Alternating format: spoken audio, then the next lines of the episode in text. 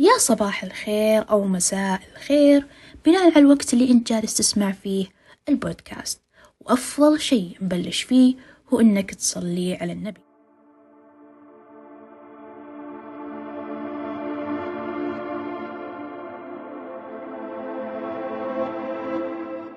طبعا في أول حلقة من بودكاست المواجهة راح تكون زي التعريف البسيط عن محتوى البودكاست والمواضيع اللي راح أناقشها وتوجه البودكاست بشكل عام لذلك أطلقت على حلقة اليوم الحلقة رقم صفر أولا إيش اللي خلاني أطلق على البودكاست باسم المواجهة؟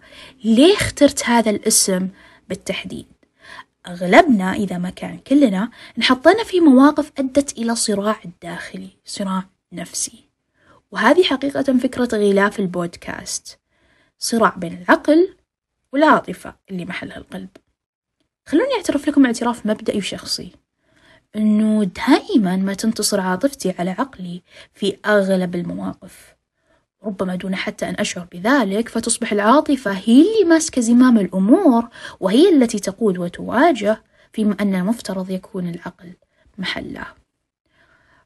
لحظة أعتقد أني أسهبت في تفسير معنى الغلاف أكثر من الاسم نفسه. هو في الواقع الاسم ما هو بعيد عن تفسير معنى الغلاف.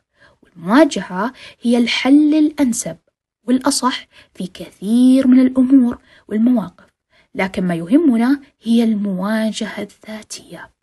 فقد قال تبارك وتعالى في سورة الحشر ولا تكونوا كالذين نسوا الله فأنساهم أنفسهم محتوى البودكاست سيكون متنوع بين نقاشات عامة وسلوكيات وقصص وأكيد أكثر.